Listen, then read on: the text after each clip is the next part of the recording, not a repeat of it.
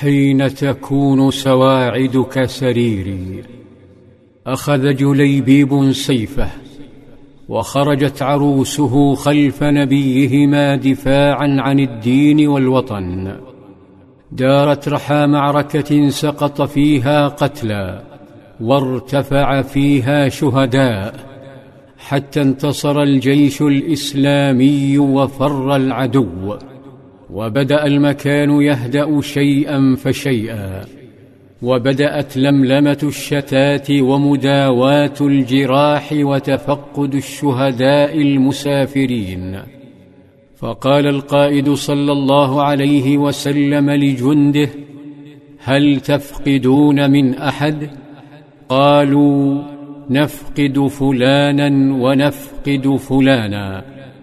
فعدوا أناسا من وجهاء القوم فتلفتت عيناه صلى الله عليه وسلم وتلفت قلبه بحثا عن حبيبه فلم يجده فأكد عليهم انظروا هل تفقدون من أحد؟ قالوا لا.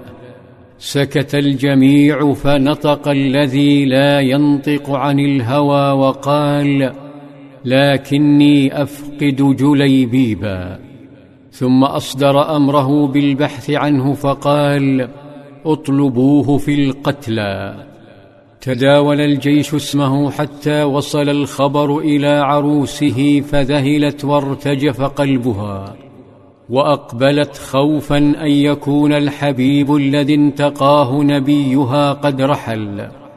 أقبلت تبحث بين الجثث تتأملها تتصفح وجوهها. حتى اقتربت من مكان مثير تناثرت فيه ثمان جثث وكأنها في معركة أخرى. دنت وانحنت فسالت دموعها. هنا سيف حبيبها هنا جسده الطاهر. فتهدج صوتها وهي تخبرهم عنه. فانطلقوا يخبرون قائدهم صلى الله عليه وسلم. فقالوا يا رسول الله ها هو ذا إلى جنب سبعة قد قتلهم ثم قتلوه. حزن صلى الله عليه وسلم ثم تهادى بنفسه نحوه.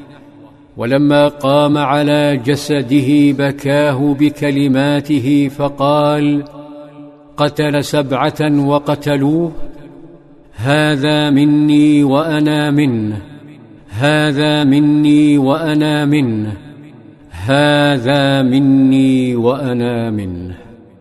ثم انحنى صلى الله عليه وسلم كالقلب عليه وحمله على ساعديه. وظل قائما. بينما هوت المعاول تحفر قبره وجليبيب بين ذراعيه ما له سرير إلا ساعد رسول الله. أمر لم يفعله حتى بحمزة. ولما انتهوا من الحفر نزل صلى الله عليه وسلم في قبره ووضعه فيه بنفسه. ثم التفتت الكلمات إلى العروس المفجوعة تلك التي قدمت حب الله ورسوله على حب والديها ورأي نبيها صلى الله عليه وسلم على رأيهما فإذا الدعاء يهمي عليها كالمطر اللهم صب عليها الخير صبا. ولا تجعل عيشها كدا كدا. عادت العروس أرملة في أيام عرسها تبكي حبيبها وحبيب نبيها.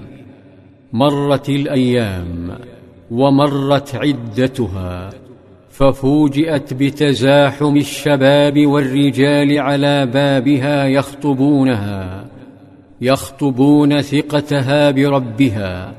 وحبها لنبيها صلى الله عليه وسلم ورجاحة عقلها فكانت أكثر فتيات الأنصار خطابا حتى قال أنس فما كان في الأنصار أيم أنفق منها؟